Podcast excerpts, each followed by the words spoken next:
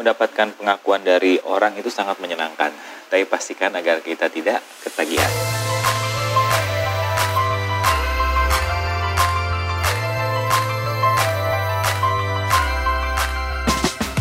Assalamualaikum warahmatullahi wabarakatuh, salam sejahtera buat kita semua. Perkenalkan nama saya Rahmat Barus. Dalam podcast ke-32 kali ini kita akan semakin menyadari konsep mengenai janjikan yang terburuk tapi berikan yang terbaik agar kita semakin berkembang. Nah, jadi penasaran? Suara semangat Anda untuk tetap hadir di podcast ini sampai akhir. So, stay tuned.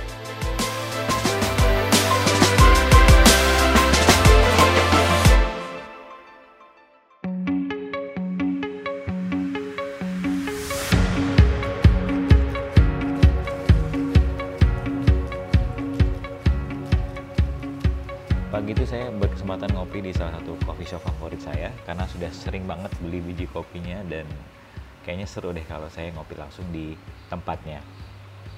Pagi itu karena pagi hari baristanya baru satu dan udah banyak banget konsumennya.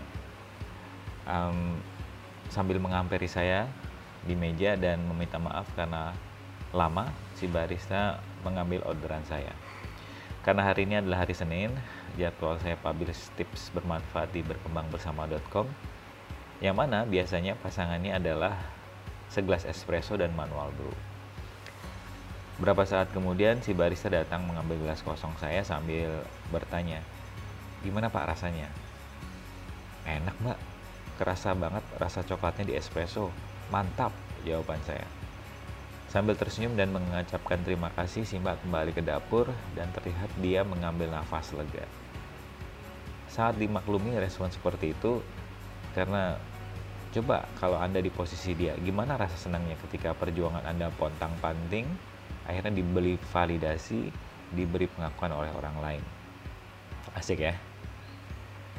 Dari kejadian di atas, ada beberapa hal yang bisa dipertimbangkan, yaitu mendapatkan validasi dari orang lain itu sungguh menyenangkan, tapi pastikan agar kita tidak ketagihan.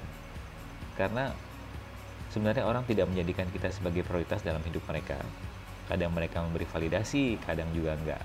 Sedangkan kunci keberlimpahan itu kita kunci keberlimpahan untuk terus bermunculan dari dalam diri, kita terus disarankan untuk mensirkulasikan apa yang kita bisa sekarang.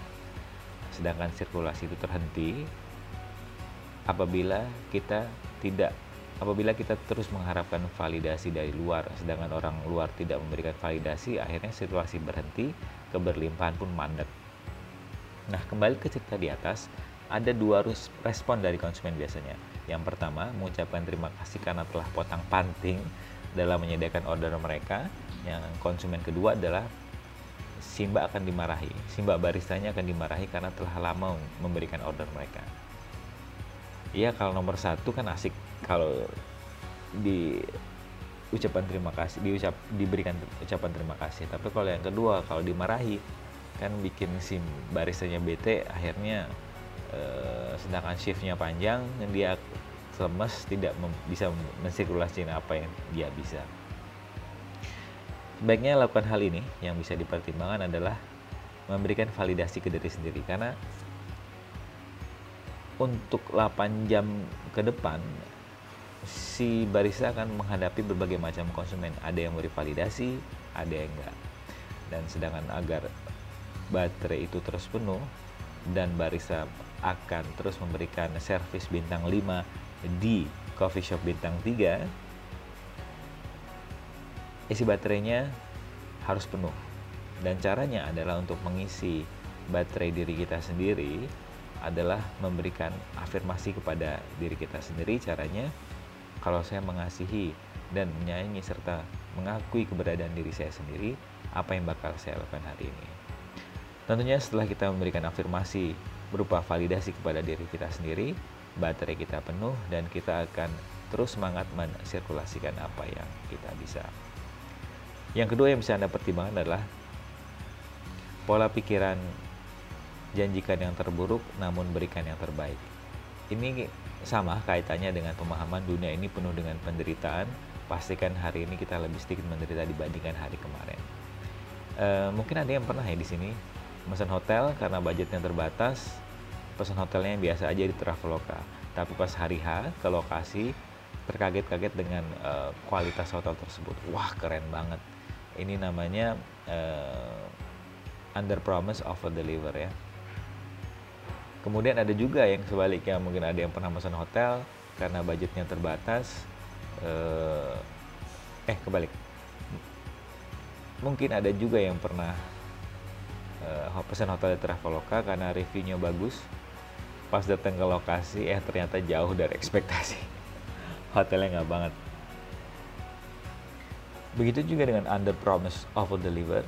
Saat kita mendapatkan komplain dari konsumen karena lama, padahal kita udah ikhtiar yang terbaik, kita biasa aja karena kita menyadari bahwa dunia ini penuh dengan penderitaan.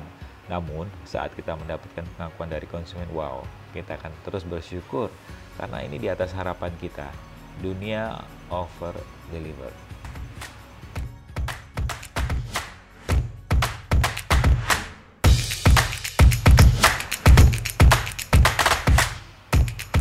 Demikian podcast ke-32 kali ini. Sebelum Anda menggunakan pola pikir di atas, pastikan Anda cocokkan dulu dengan diri sendiri. Karena kadang berhasil di saya, belum tentu berhasil di Anda. Ketika merasa semakin semangat, artinya bisa terus digunakan pola pikir seperti ini.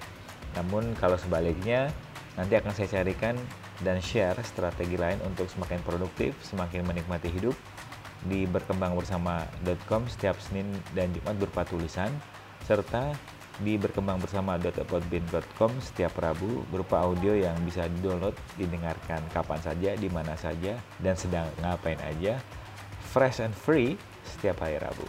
So stay tuned for our next podcast. Bye.